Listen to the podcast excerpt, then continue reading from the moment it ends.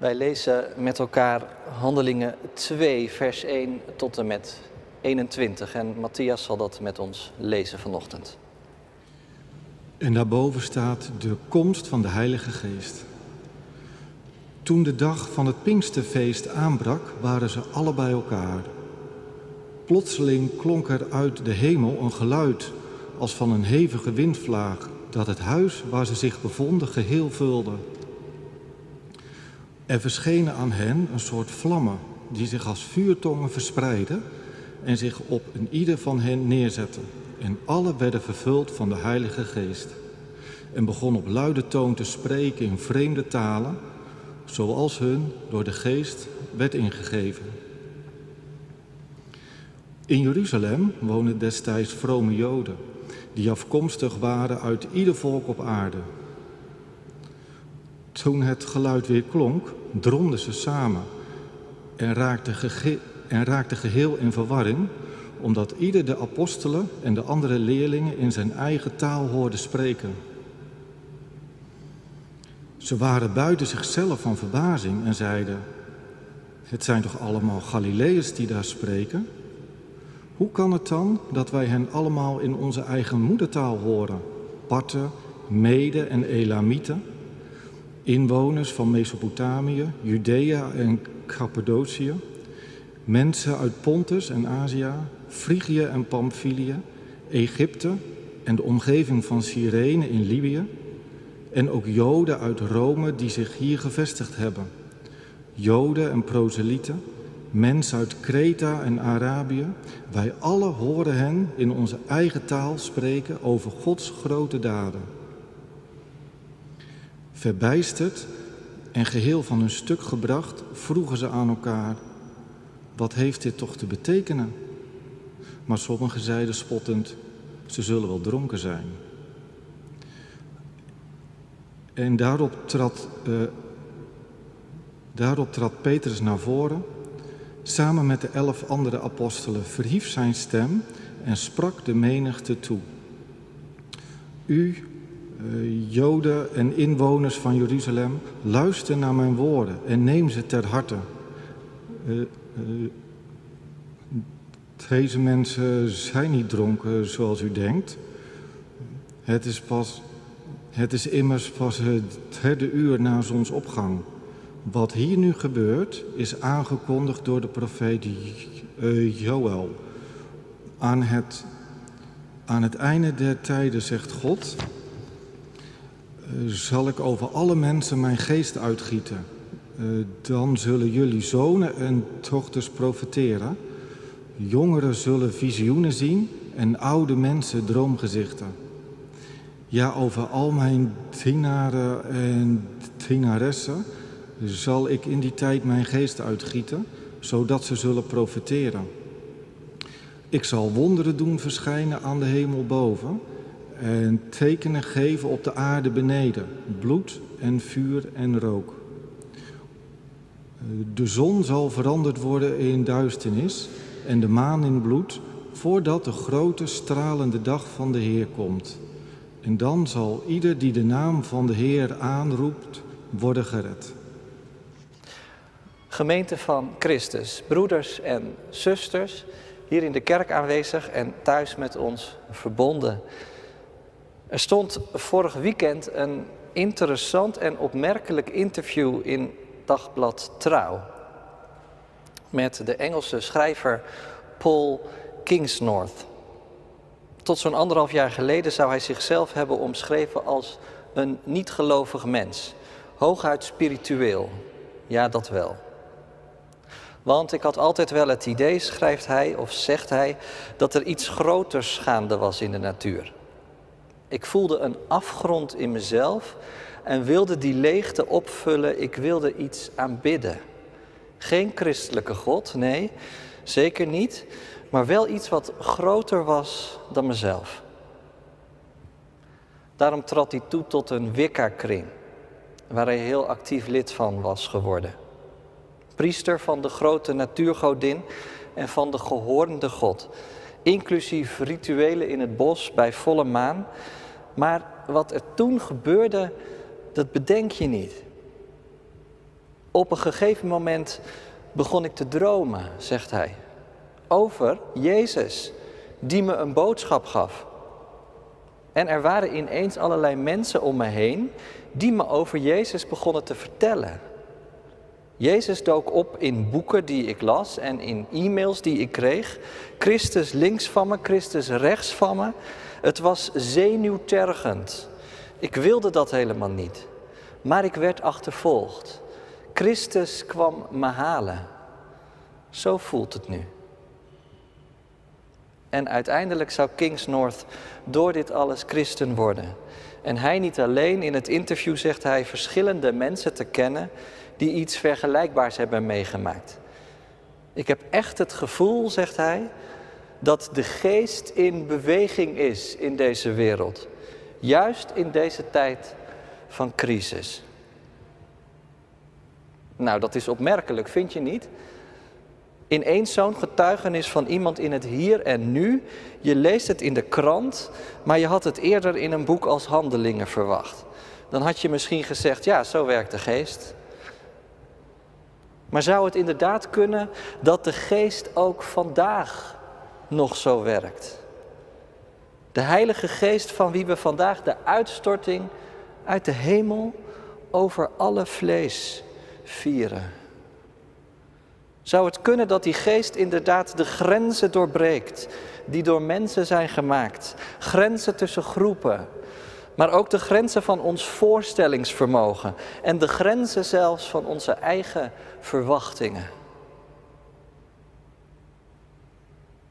Met die vragen in ons achterhoofd gaan we kijken wat er gebeurt op die eerste Pinksterdag na de hemelvaart van Christus. Lucas beschrijft in het boek Handelingen hoe de twaalf leerlingen van Jezus bij elkaar zijn. Waarschijnlijk waren er ook nog wel anderen bij, in ieder geval Maria, de moeder van Jezus en zijn broers. En misschien ook nog wel die anderen die inmiddels tot geloof waren gekomen tussen Pasen en Pinksteren. 120 mensen maar liefst als je Handelingen 1 leest. Nog voor de officiële geboorte van de kerk was er al iets van een christelijke gemeente ontstaan in Jeruzalem. En wat deden zij? Nou, dat lees je ook in Handelingen 1. Ze wijden zich vurig en eensgezind aan het gebed. Dat zal te maken hebben met het feit dat Jezus hen iets had beloofd. Een belofte die nog uitstond over de Heilige Geest die over jullie komen zal. Zodat jullie mijn getuigen zullen zijn. En dat gebed dat wordt verhoord. Dat gebed wordt vervuld. En wel op een heel symbolische dag, de dag van het Pinksterfeest. Pinksteren betekent letterlijk de vijftigste. Inmiddels zijn er 49 dagen verstreken sinds het paascha. Zeven weken van zeven dagen. Zeven keer zeven. Tweemaal het getal van de volheid. Nou had het Pinksterfeest een dubbele betekenis. Aan de ene kant herdacht het volk de wetgeving op de berg Sinaï in de woestijn. Maar ik zei het al, Pinksteren heeft ook met oogsten te maken. Het feest had ook een agrarische betekenis omdat de eerste vruchten van het land aan God werden geofferd. Het was het begin van de rest van de oogst. Er zouden nog heel veel vruchten volgen. En op deze specifieke Pinksterdag, op dit moment, in Handelingen 2, zou je kunnen zeggen dat de eerste vruchten zichtbaar worden van het nieuwe leven in Christus midden in de feestvreugde in Jeruzalem die er al was, omdat dat Pinksterfeest gaande was. En werkelijk heel de wereld er getuige van kon zijn wat hier gebeuren zou. En wat er gebeurt, dat is werkelijk spectaculair. Met kerst ging het over God met ons. Met Goede Vrijdag en Pasen ging het over God voor ons. Maar nu met Pinksteren gaat het over God in ons. En dat blijkt werkelijk een explosieve gebeurtenis te zijn. Moet je kijken wat er gebeurt. Plotseling klonk er een geluid. En dat geluid, dat komt natuurlijk uit de hemel. Niet voor niets. Want tien dagen geleden was het hemelvaartsdag. Jezus ging hoog naar de hemel. Maar hij liet zijn leerlingen niet als wezen achter. Vanuit de hemel stuurt hij nu zijn geest. En die komt dan niet in de gestalte van een duif, zoals dat eerder gebeurd was bij de doop van Jezus in de Jordaan, maar die komt vandaag in de gestalte van een windvlaag en van vlammen als van vuur. Ik weet niet hoe het jou vergaat, maar soms krijg je de indruk dat Pinksteren iets lievigs heeft. Misschien wel door alle verlegenheid die er ook wel is rondom dat feest. Het gaat snel over troost en innerlijke vrede, over een geest die verbindt door middel van een soort zacht ruizen of zo, die ons ineens elkaar doet verstaan en alle verschillen onderling oplost. Het is allemaal waar. Maar vergeet niet dat het hier gaat om de geboorte van iets nieuws, nieuw leven. Vergelijk het met een bevalling. Wie er ooit getuige van was, die weet wat een kracht daarbij komt kijken. De uitstorting van de geest is de geboorte van de kerk. Lucas schrijft dat er een geluid klonk als een hevige windvlaag. In de Statenvertaling wordt het een geweldige gedreven wind genoemd. Je moet bij wat hier gebeurt helemaal niet denken aan een vredig geruis. Nee, het gaat om een geweldige gedreven windvlaag. Het Griekse woord dat hier gebruikt wordt kun je ook wel vertalen met levensadem. Het is de levensadem die God bij de schepping in de neus van de mens blaast. De lucht die je nodig hebt om te kunnen blijven leven en ademhalen. En als je dat woordje op gaat zoeken in het Oude Testament, dan kom je er nog wel achter wat die levensadem allemaal doet. In het boek Job bijvoorbeeld.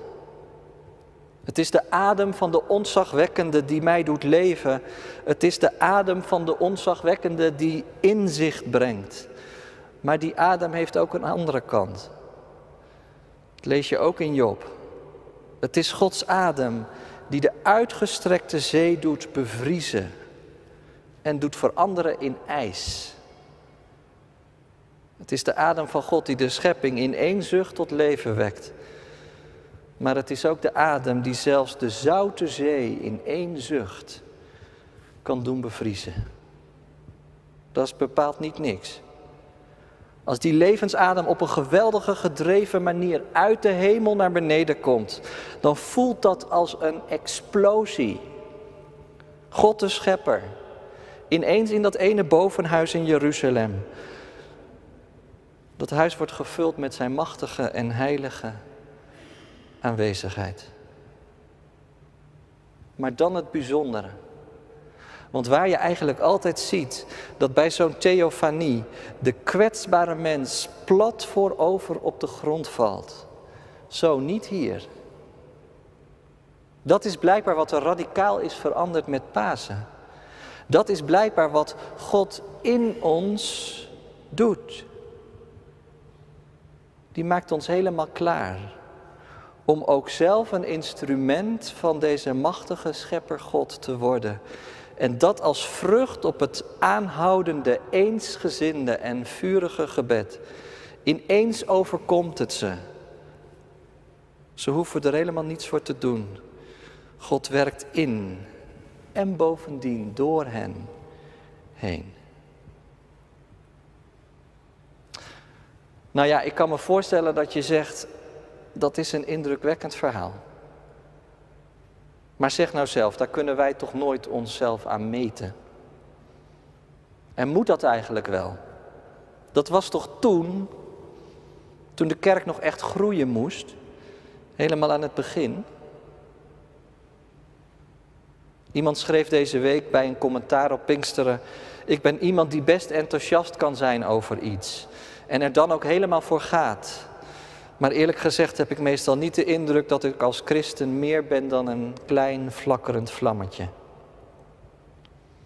En ik denk dat de meesten van ons dat misschien wel zullen herkennen. Ik merk het ook wel in gesprekken dat het soms heel lastig is om dat werk van de geest echt persoonlijk te maken. Sommigen vinden het heel abstract en anderen vinden het weer veel te subjectief, zo op de ervaring gericht. En toch, eigenlijk kun je met Pinksteren niet op een afstand blijven staan. Je kunt eigenlijk geen Pinksterfeest vieren zonder die kracht op zijn minst te erkennen en het verlangen te hebben om die kracht ook te gaan herkennen. Kijk, je kunt zo'n verhaal uit handelingen natuurlijk prima reduceren tot een aantal interessante theologische lijnen en oud-testamentische vervullingen, zodat met Pinksteren het hele verhaal rond is en klopt. Van de Babylonische spraakverwarring uit Genesis tot de hele wereld die elkaar weer verstaat. Prachtig, toch? Maar als je het niet op jezelf betrekt, dan ben je net als een journalist die een orkaan reduceert tot een lijst met diagrammen die hij ergens van een website heeft gehaald. Als het op Pinksteren aankomt, dan zul je toch zelf in de wind willen staan. Dan zul je toch de kracht van Gods aanwezigheid in je eigen hart willen ervaren. Merken hoe er langzaam maar zeker iets veranderen gaat in je leven. Als onderstreping van wat je allemaal beleidt. Jezus is Heer. En Hij zond de geest om ook in mij te wonen. Ik vind het zelf een heel mooie gedachte dat de geest grenzen doorbreekt. En dus ook de grens van mijn eigen vermogen. Of de grens van mijn eigen weerstand. Er zit iets van een gave in, het wordt je geschonken. God speelt met vuur op het Pinksterfeest. Als Hij de geest, die explosieve levensadem, toevertrouwt aan mensen zoals jij en ik. En weet je, misschien helpt het wel om je te bedenken dat die leerlingen in Handelingen 2 ook maar heel gewone mensen zijn. Wat zullen ze de afgelopen 49 dagen veel momenten van vertwijfeling en aanvechting hebben gehad? Is hij dan echt opgestaan uit de dood? Maar nu, nu zingen ze het uit. Thomas verlost van zijn twijfel en zijn sceptisch. Petrus niet langer gebukt onder zijn schuldgevoel. De vrouwen niet lang, langer bang en, en angstig en op de vlucht. De Emmausgangers niet langer moedeloos en eenzaam. De geest heeft hen allemaal vervuld, hun hart in vuur en vlam gezet. En daarom mogen ook wij op die vervulling hopen en eruit leven. Het zou zomaar kunnen dat je het niet zo hebt op van die geweldige succesverhalen over hoe Gods geest werkt. En daar zit eigenlijk ook wel wat in. Want we hoorden wat de vrucht van de geest is. Liefde, vreugde, vrede, geduld, vriendelijkheid, goedheid, geloof, zachtmoedigheid, zelfbeheersing. Maar laat tegelijkertijd niemand je wijsmaken dat dat geen explosief materiaal is. Als Gods geest in je gaat werken, dan gebeurt er altijd iets. Dan blijf je niet wie je bent. En zo komt de geest op het Pinksterfeest met het geluid van een sterke windvlaag midden tussen die gelovigen. En dan gebeurt er ook nog iets anders. Er verschenen aan hen een soort tongen, vlammen, vuurtongen boven hen en die verspreiden zich. Kijk, de wind is in de Bijbel wel vaker beeld voor Gods aanwezigheid in ons leven met zijn geest. Je weet niet waar de wind vandaan komt. Je kunt de wind niet zien, maar je kunt de wind wel horen en je kunt de wind wel voelen. Zo is het blijkbaar ook met Gods aanwezigheid. En dat vuur is eigenlijk op eenzelfde manier teken van Gods aanwezigheid. Het staat symbool voor wat God doet als Hij in ons aan het werk gaat. Het vuur reinigt van onze zonden. Het vuur loutert en helpt je om op te staan in een nieuw leven. Het vuur brengt ook licht en warmte. In het duister en in de kilheid van het bestaan. En dan valt er in ieder geval nog één ding op als je Handelingen 2 leest. En dat is dit. Dat wat er hier gebeurt, die gave van de geest, die kun je op geen enkele manier individualistisch duiden. Dat verwijt klinkt wel eens als het gaat over de geest. Krijg je dan niet allemaal subjectieve en persoonlijke getuigenissen en ervaringen? Nou ja, dat is niet waar de geest hierop uit is. De geest komt niet om te verdelen, maar om te verenigen. Ze waren allemaal samen op één plek en die vuurtongen die zetten zich op een ieder van hen. Tongen als van vuur boven hun hoofden, als teken uit de hemel, als teken van een brandend hart. En blijkbaar ook als teken van herkenning. Dat woordje tongen dat gebruikt wordt, kun je trouwens ook op twee manieren lezen. Aan de ene kant kun je ze zien, aan de andere kant kun je ze ook horen. Het woord tongen is namelijk hetzelfde woord dat elders in handelingen met talen wordt vertaald. Heel letterlijk gaat het hier over sprekende vlammen, om een vurig spreken. Om woorden die werkelijk aansteken en aanspreken. En zo gaat het hier dus ook. Zij begonnen op luide toon te spreken in vreemde talen, zoals hun door de geest werd ingegeven. En wat zeiden ze dan? In welke boodschap herkenden zij elkaar? En door welke boodschap werden de mensen om hen heen ineens in het hart geraakt? Dat lees je een paar versen verderop in vers 11. Wij horen hen alle in onze eigen taal spreken over Gods grote daden. Dat kan niet anders dan het evangelie zijn geweest. Dat is de boodschap die werkelijk verbinding brengt vandaag. Over de grenzen van ons eigen leven heen en over de grenzen van ons eigen beperkte denken heen. Het evangelie van God die in Jezus Christus met ons is, die in deze Messias voor ons was en die nu zelfs door de Heilige Geest in ons wil zijn. En dat evangelie is het startpunt voor een beweging die ongekend is. Je leest het in handelingen als je verder leest. Het is als een vloot van schepen die door een explosie van wind de zee wordt opgedreven. Of als een veenbrand. Vanuit een paar piepkleine vlammetjes staat het hele veld in vuur en vlam. Groepje angstige, verbaasde, ongeschoolde mannen en vrouwen bij elkaar in een bovenhuis. Maar dat evangelie zal vanuit hen de hele wereld overgaan. Wat is hun geheim? Nou, in ieder geval dit, dat ze zich vurig en eensgezind aan het gebed wijden. Moet je zien wat er van kwam. Tot vandaag de dag plukken wij er de vruchten van. Nog één ding. Ik zei dat God met vuur speelt. Als Hij de geest aan ons toevertrouwt. Ik hoop dat je iets van dat verlangen herkent.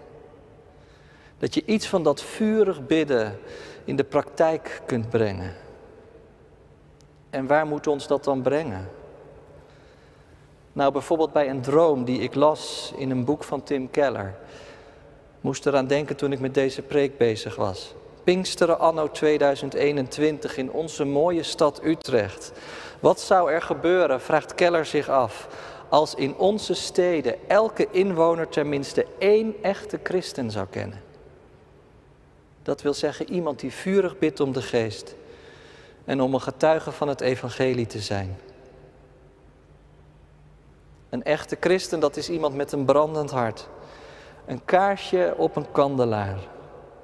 Denk nog even aan dat interview van Paul Kingsnorth uit het begin. Dan weet je wat één getuigenis kan doen. God doet grote dingen. Omdat Hij zelf aanvult wat ons ontbreekt. Amen.